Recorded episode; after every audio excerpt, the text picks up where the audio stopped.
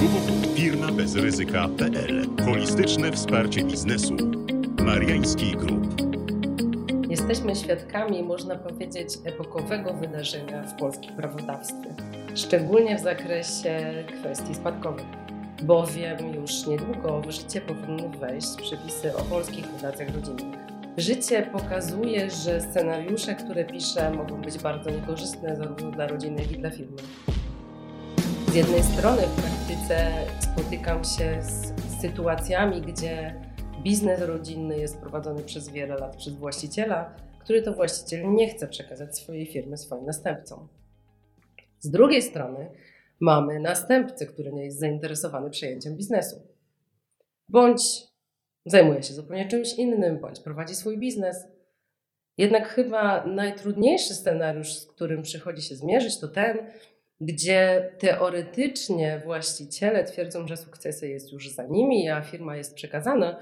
Tymczasem okazuje się w praktyce, iż ciągle przychodzą do firmy i pracownicy, kontrahenci mają bardzo duży dysonans poznawczy co do tego, kto rzeczywiście tę firmę prowadzi.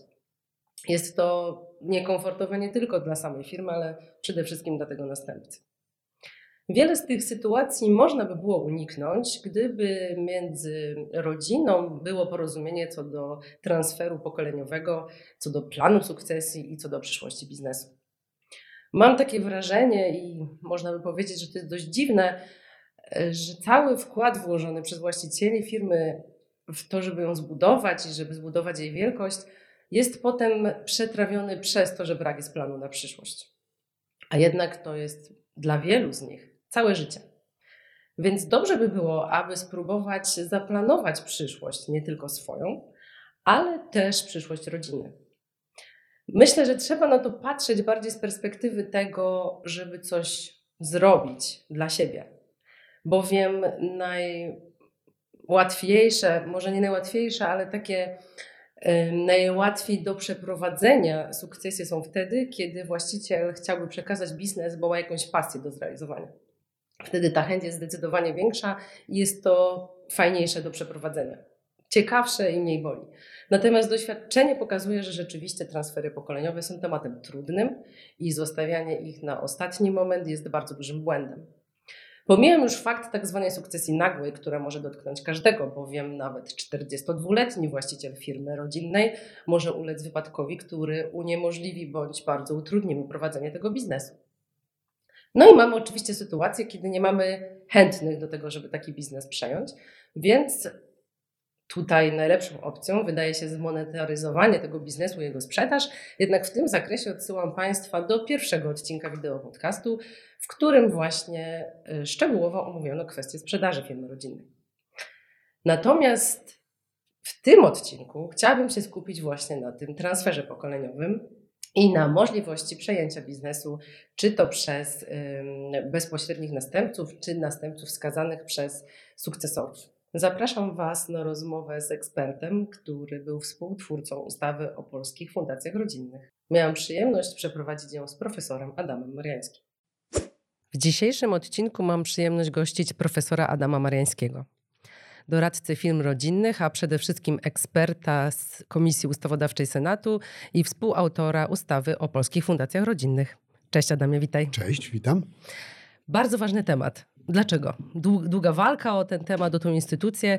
Dlaczego taka ważna? Dla kogo taka ważna? No, tak naprawdę o firmach rodzinnych i sukcesji rozmawiamy od 30 lat, bo tyle trwa przedsiębiorczość w Polsce, mhm. ta nowa przedsiębiorczość. Ale temat stał się bardzo istotny w ostatniej dekadzie, kiedy dużo firm powinno już przejść do kolejnego pokolenia. Powinien być dokonany przynajmniej ten pierwszy transfer pokoleniowy. I oczywiście rozmawiamy o instrumentach prawnych, które to umożliwią, które na to pozwolą. Pierwszą taką ustawą była ustawa o zarządzie sukcesyjnym przedsiębiorstwa osoby fizycznej, ale to jest dla małych przedsiębiorstw prowadzonych w formie indywidualnej działalności gospodarczej. W mojej ocenie zdecydowanie niewystarczająca dla polskich realiów. Rozumiem, że w Twoje również. E, tak, jak najbardziej. Co, co, prawda, powiem tylko taką jedną rzecz, jest sporo również dużych firm prowadzonych w tej formie, mhm. choć akurat polski nieład tutaj przyspieszył zmiany prawne, przekształcenia, no bo się okazało, że jest to bardzo niekorzystnie opodatkowane, ale generalnie jest to nieodpowiedzialność przedsiębiorcy, który w taki sposób prowadzi działalność gospodarczą w większym rozmiarze. W taki sposób, czyli w formie jednoosobowej, Jednoosobowej działalności, działalności gospodarczej. Mhm. No, w związku z tym, jeżeli zmieni tą formę, no to musimy mieć jakiś instrument prawny, który pozwoli na dobry transfer pokoleniowy właśnie takiego przedsiębiorstwa.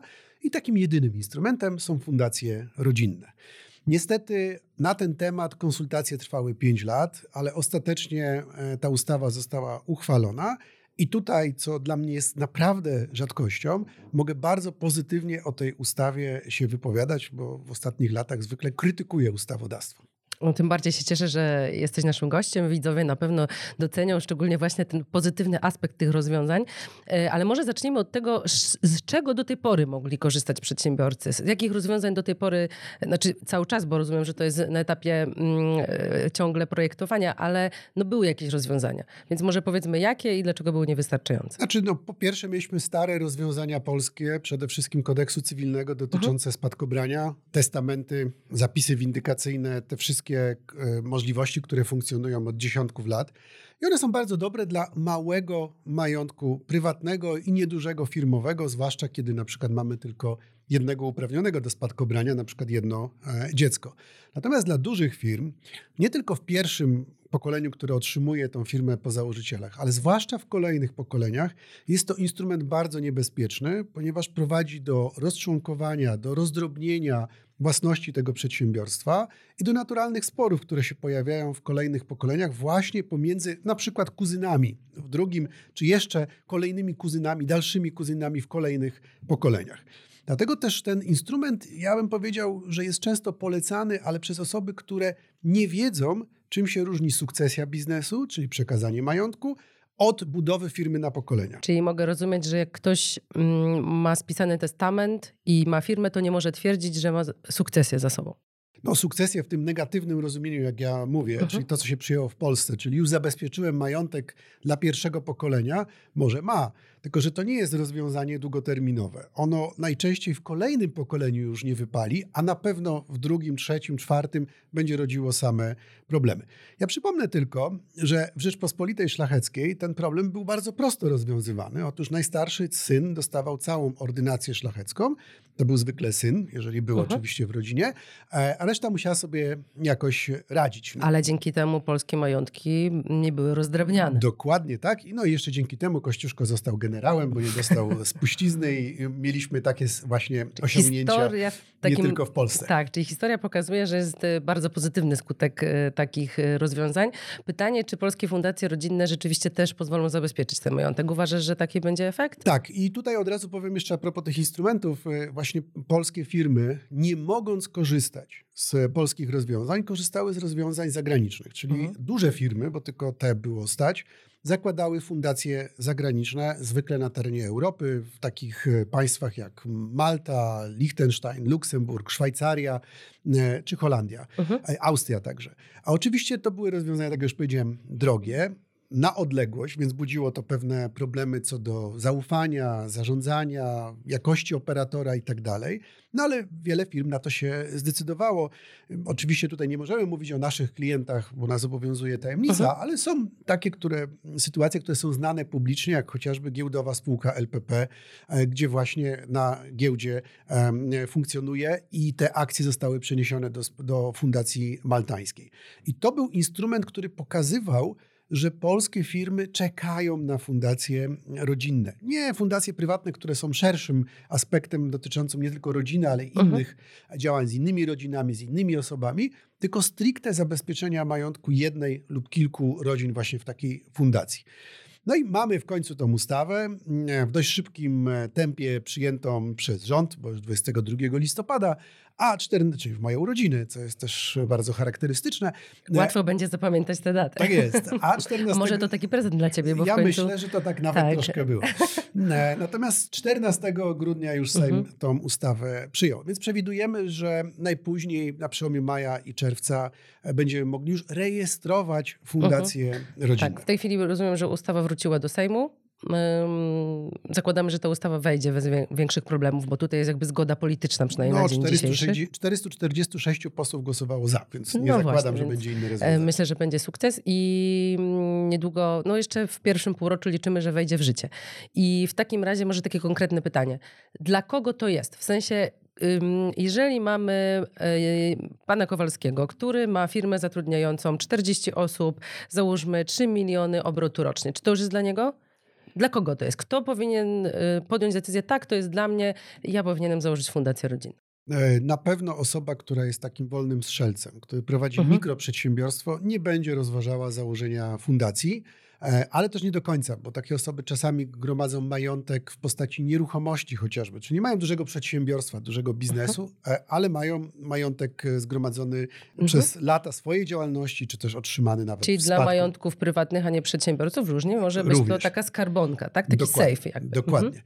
Ponieważ głównym celem fundacji jest zabezpieczenie majątku, ale również jego pomnażanie, mhm. przez co mamy bardzo dobre rozwiązania podatkowe w ustawie, de facto neutralność tego pomnażania i inwestowania, ponieważ do momentu wypłaty zysków do beneficjentów nie ma żadnego podatku dochodowego w ramach tak zwanej dozwolonej działalności gospodarczej. To może do tego wrócimy, bo to bardzo ciekawe, czyli te korzyści podatkowe, ale skończmy jakby ten wątek dla kogo? Czyli dla osób, które mają jakiś majątek, który chcą zabezpieczyć, nieważne czy to jest osobisty, czy firmowy. Może przejdźmy dalej, co z firmami? Które firmy, właściciele których firm powinny się zastanowić? No i to, to też jakby nam determinuje e, odpowiedź na to pytanie, że to nie jest może kwestia samej granicy wartości obrotów, e. Mhm. zysków, tylko bardziej tego, jaką mamy do czynienia, z jaką rodziną mamy do czynienia, okay. E, jaki ten majątek mamy przeznaczony do pomnażania, bo firma może dzisiaj mieć nieduże obroty, ale uh mhm. całkiem niezłą rentowność, okay. zgromadzony dobry majątek i również rodzina mogła ten majątek zgromadzić. Te wszystkie elementy możemy zabezpieczyć w ramach fundacji. Więc ja powiedziałem negatywnie, że to nie jest dla mikroprzedsiębiorcy, uh -huh. natomiast wszystkie pozostałe grupy, zaczynając od małych, a już na pewno średnie i duże przedsiębiorstwa oraz średni i duży majątek, powinien być zabezpieczony poprzez wykorzystanie fundacji rodzinnej. Czyli odpowiedź w zasadzie jest, że każdy, który dysponuje jakimś majątkiem, który już w jego ocenie jest e, godnym zabezpieczenia. Tak no tak, jakieś mówiłem, że przedsiębiorstwo większe niż kiosk ruchu e, może -huh. myśleć o fundacji no to mają Państwo odpowiedź, że tak naprawdę każdy może się zastanowić nad tym, czy to nie jest rozwiązanie idealne dla niego, bo rozumiem, że taki jest przekaz. Tak jest. Wspomniałeś o tych korzyściach podatkowych, więc może skupmy się trochę na tym, jakie to korzyści i co można zyskać. No to był jeden z elementów, który blokował jakby ustawę mhm. przez pięć lat. Ministerstwo Finansów nie rozumiało, po co są fundacje rodzinne, ale na szczęście zmieniła się ekipa i zrozumieli, po co w one Ministerstwie są. Finansów. W Ministerstwie Finansów, tak. E, otóż dzisiaj mamy tak, po pierwsze wkłady do fundacji są neutralne podatkowo, czyli nie płacimy podatku dochodowego, PCC. Mhm. Kwestia VAT-u jest tutaj jeszcze do rozważenia, jeżeli wnosi je osoba fizyczna prowadząca działalność gospodarczą, no, ale to jest też do sprawdzenia i do rozliczenia, bo on będzie neutralny dla obydwu stron.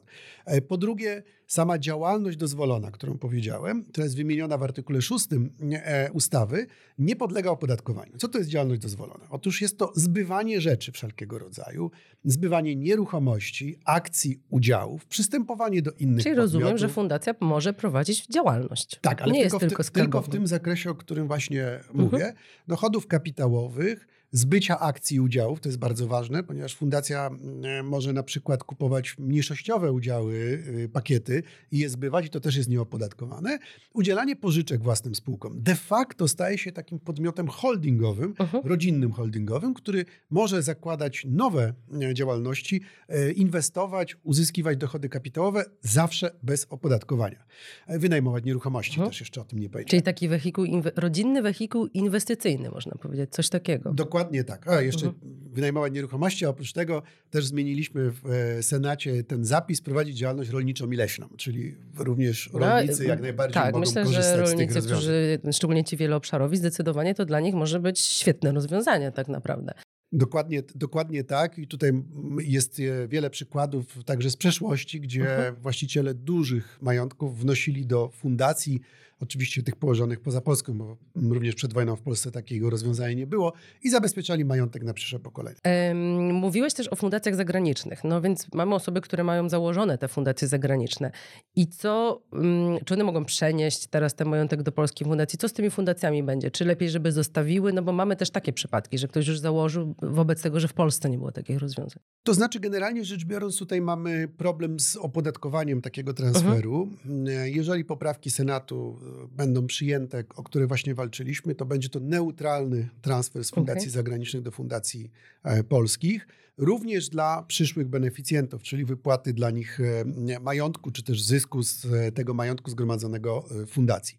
Natomiast w innym przypadku można także rozważyć neutralne transfery z takich mhm. fundacji zagranicznych, ale już wypłata do beneficjentów e, będzie opodatkowana niekorzystnie.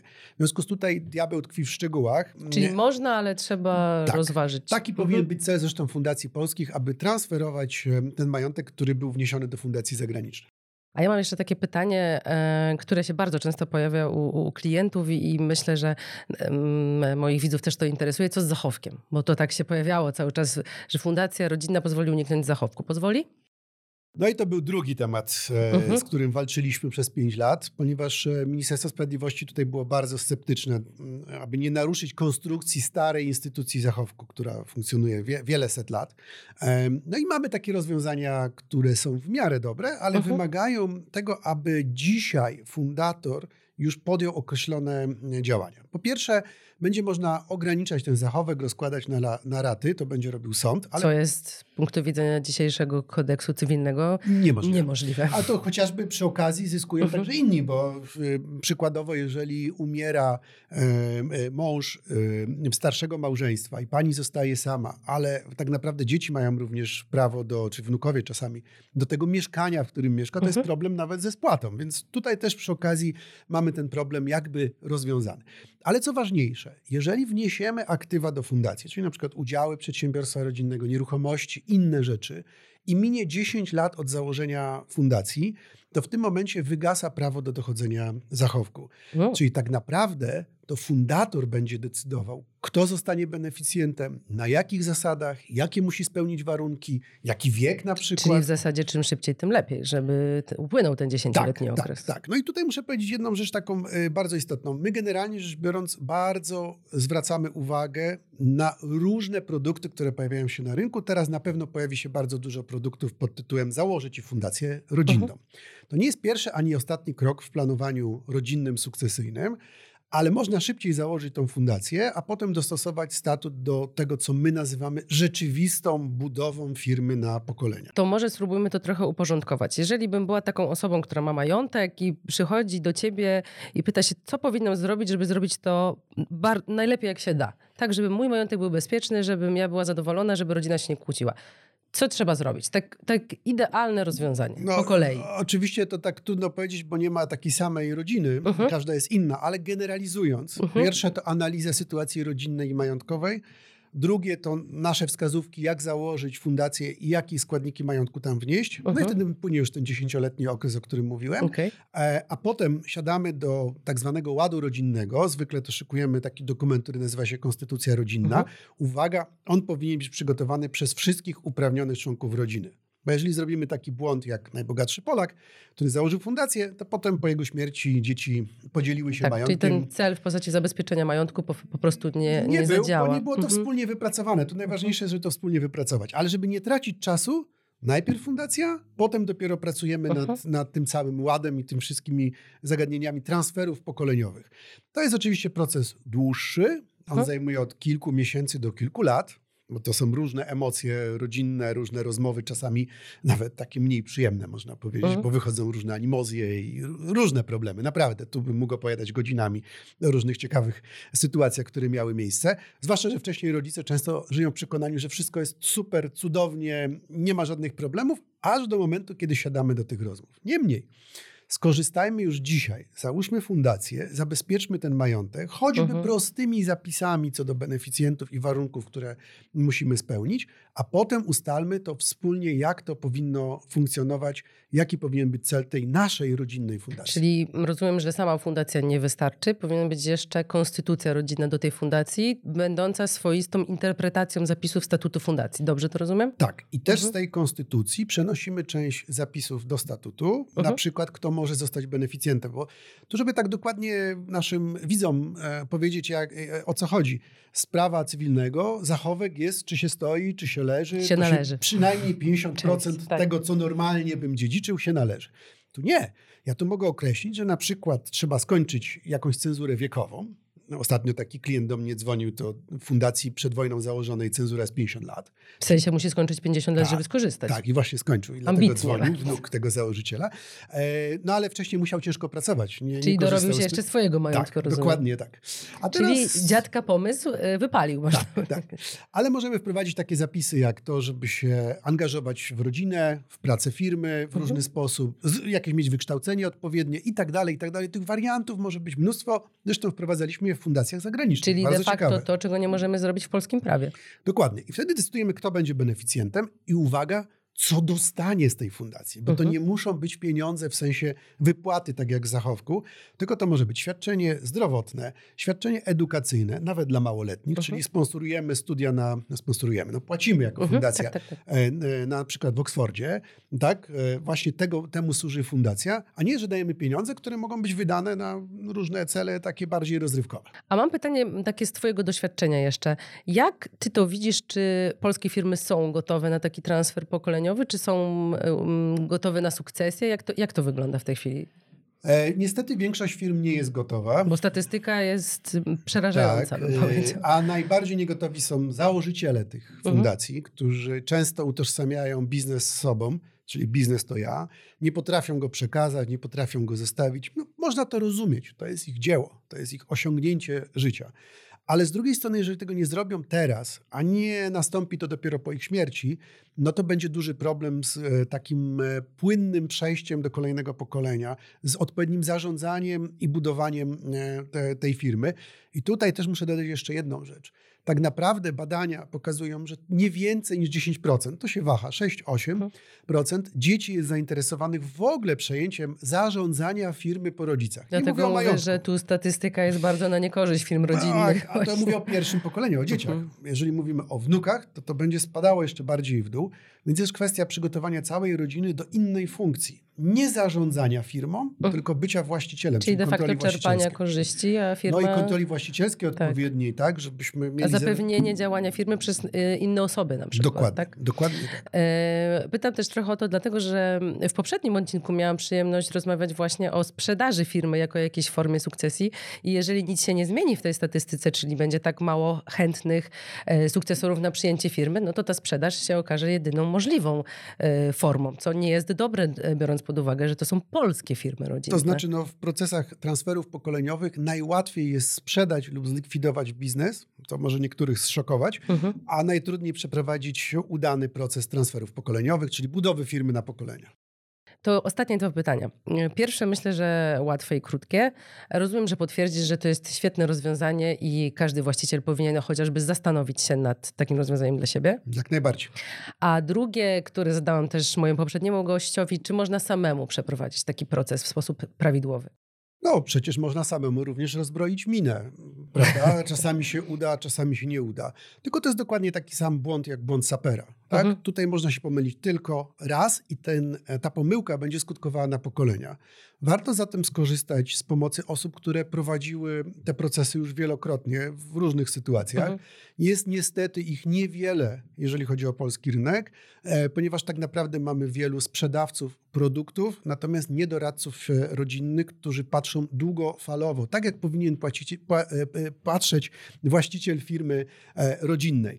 Więc warto skorzystać z pomocy tych, którzy sami tworzą firmy rodzinne i czują, czym jest firma rodzinna i jak buduje się firmę na pokolenia. Dodam tak na marginesie, że w najbliższym czasie planuję założyć własną fundację O, rodzinną. Gratulacje. No to bardzo dobrze słyszeć. Rozumiem, Będzie ci łatwiej też doradzać klientom. e, Mając w praktyce taką instytucję. Bardzo Ci dziękuję za mm, dzisiejszą obecność. E, Państwu dziękuję za zainteresowanie e, naszym, naszą dzisiejszą rozmową. Mam nadzieję, że coraz więcej firm będzie się interesować tą instytucją, coraz więcej już się interesuje, widzimy ten ruch i że będziemy zabezpieczać polskie firmy rodzinne. Dziękuję, Dziękuję bardzo za rozmowę. Dlaczego Polska Fundacja Rodzinna jest taka ważna? Już w samym pytaniu mamy odpowiedź, że będzie ona istotną częścią polskiego biznesu.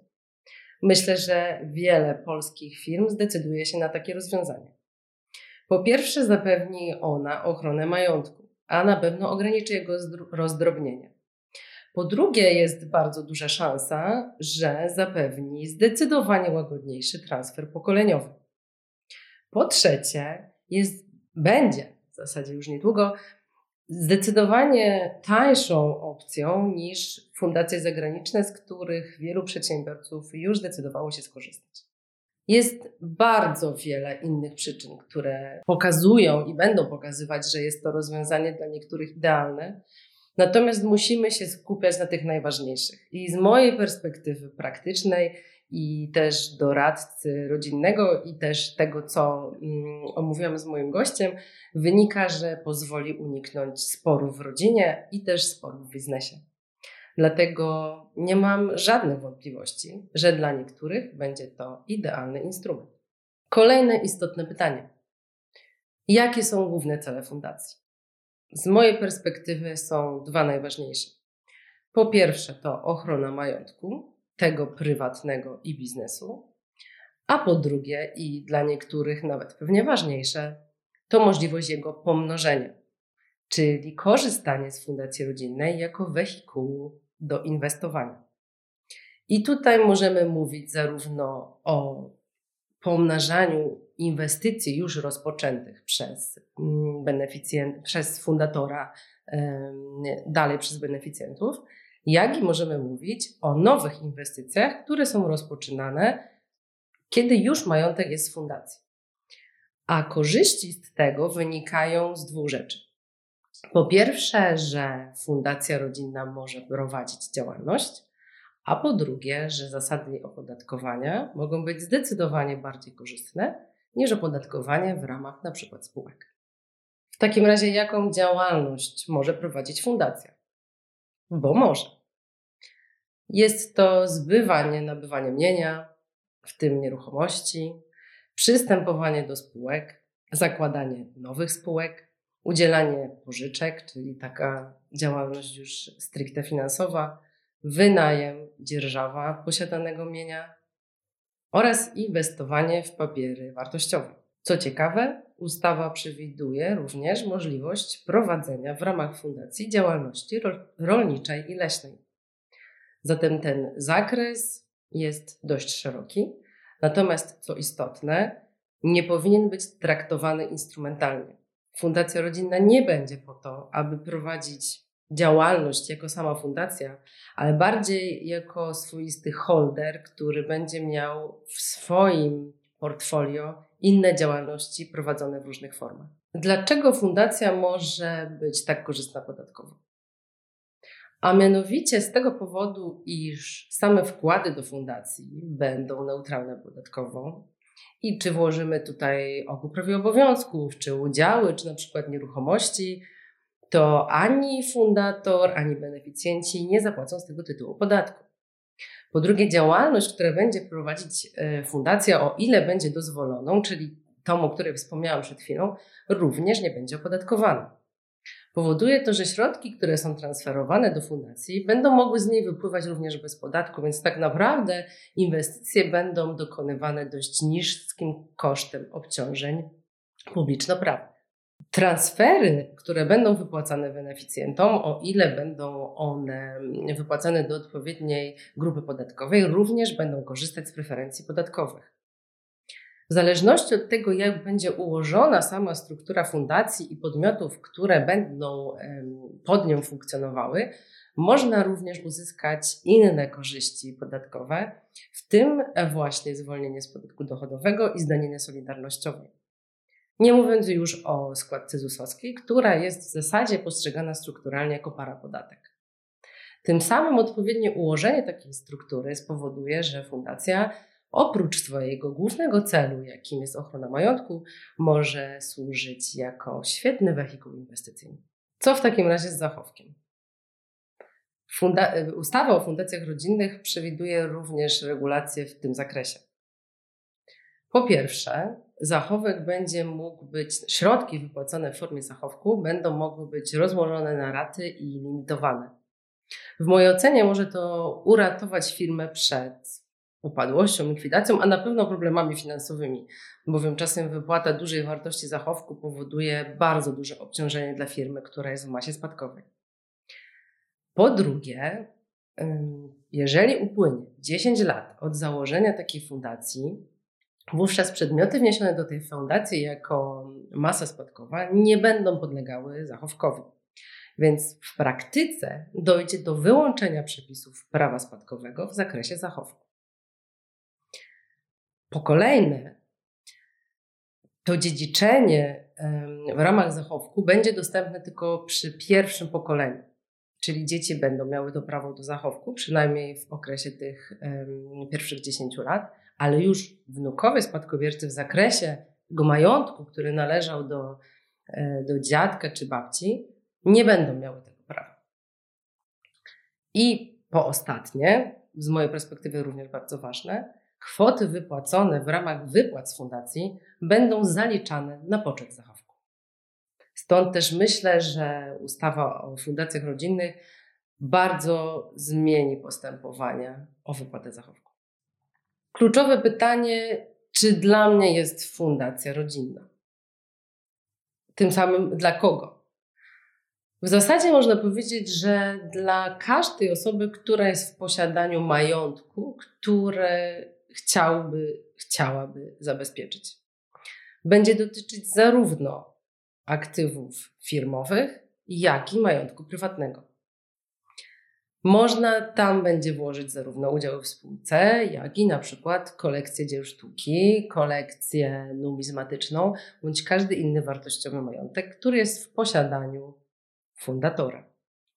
Zakres funkcjonowania Fundacji Rodzinnej, możliwości skorzystania z niej jest bardzo szeroki i tak naprawdę trochę zależy od woli fundatora.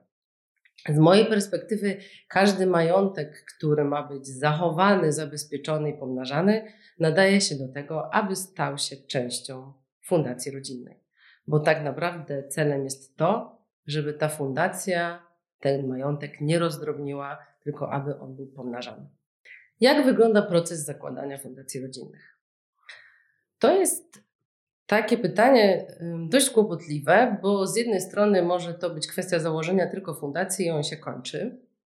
Jednak wiąże się to wtedy z dość dużym ryzykiem, polegającym na tym, że źle założona fundacja, nieprawidłowo włożone do niej aktywa będą generować jeszcze większe ryzyka i brak tych korzyści, o których mówiłam wcześniej.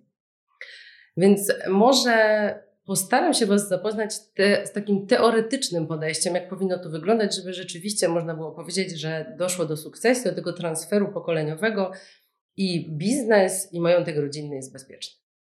W pierwszej kolejności jest niezbędna analiza tego majątku, który miałby być częścią fundacji, a który nie miałby być jej częścią. Może się zdarzyć tak, że nie wszystko chcemy, aby było zabezpieczone w ramach fundacji. Może ktoś chce zostawić część majątku dla siebie prywatnie. Może ktoś chce coś przekazać wcześniej. Ta analiza jest po to, aby móc podejść do tematu bardzo kompleksowo. Następnie, najlepiej w ramach rodziny, ustalić ten ład rodzinny, czyli jak my sobie wyobrażamy, jakie będą role e, w transferze pokoleniowym każdego z członków rodziny. Życie pokazuje, że nie wszyscy są zainteresowani przejmowaniem majątku w sensie jego prowadzenia. I mamy takie sytuacje, kiedy wśród kilkorga dzieci jedne są firmy, chcą pracować, a inne chcą tylko korzystać z majątku.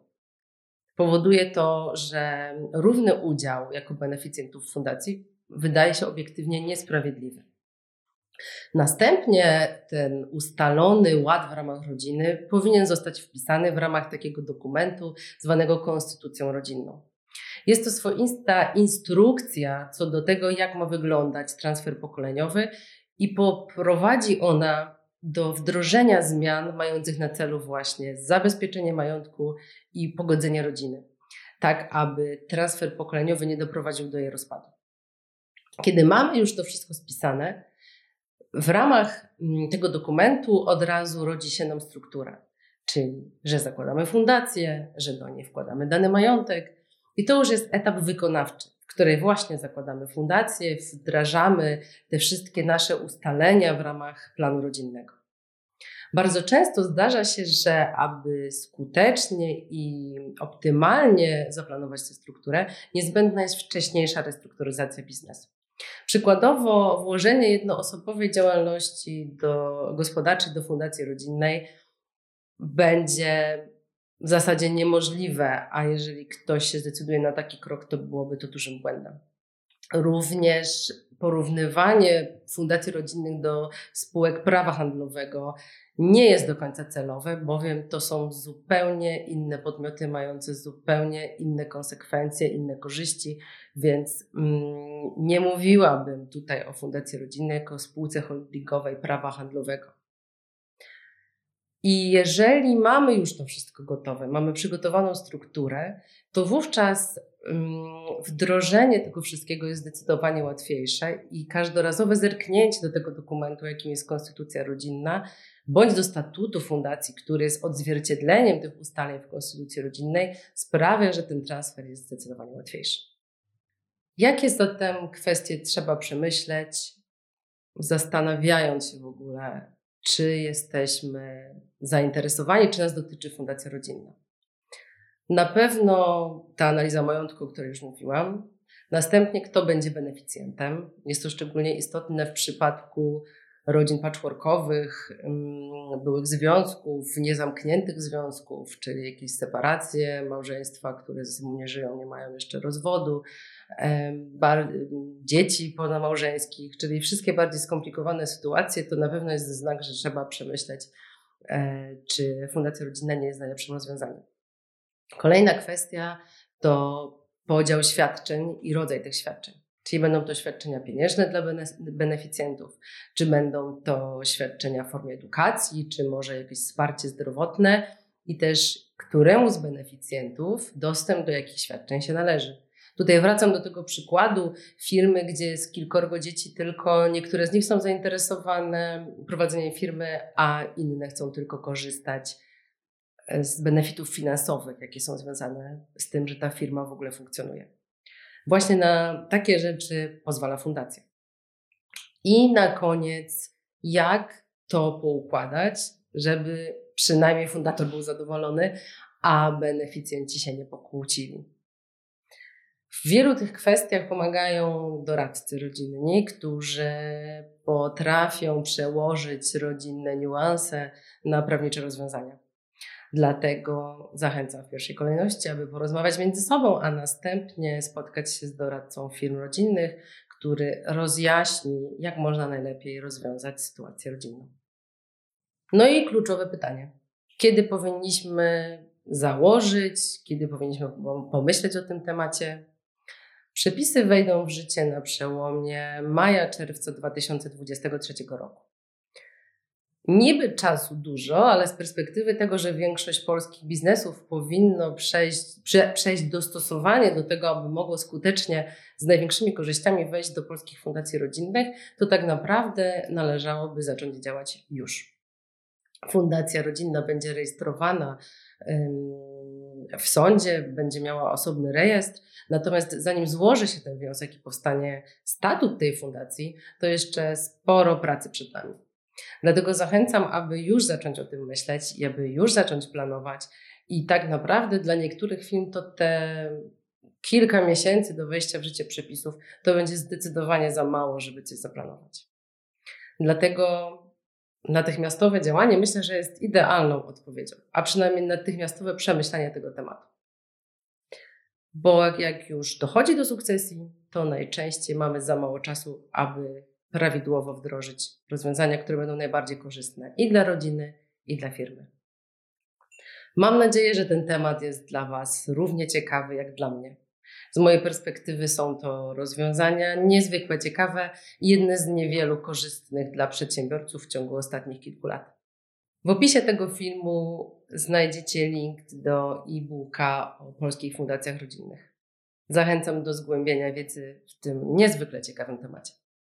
Zachęcam do subskrybowania tego kanału, do naciśnięcia dzwoneczka, abyście mogli dowiadywać się więcej ciekawych informacji na temat fundacji rodzinnych, na temat firm rodzinnych, na temat sprzedaży, sukcesji, wszystkiego tego, co wiąże się z ogromnymi problemami, problemami związanymi z prowadzeniem firmy rodzinnej. Do zobaczenia.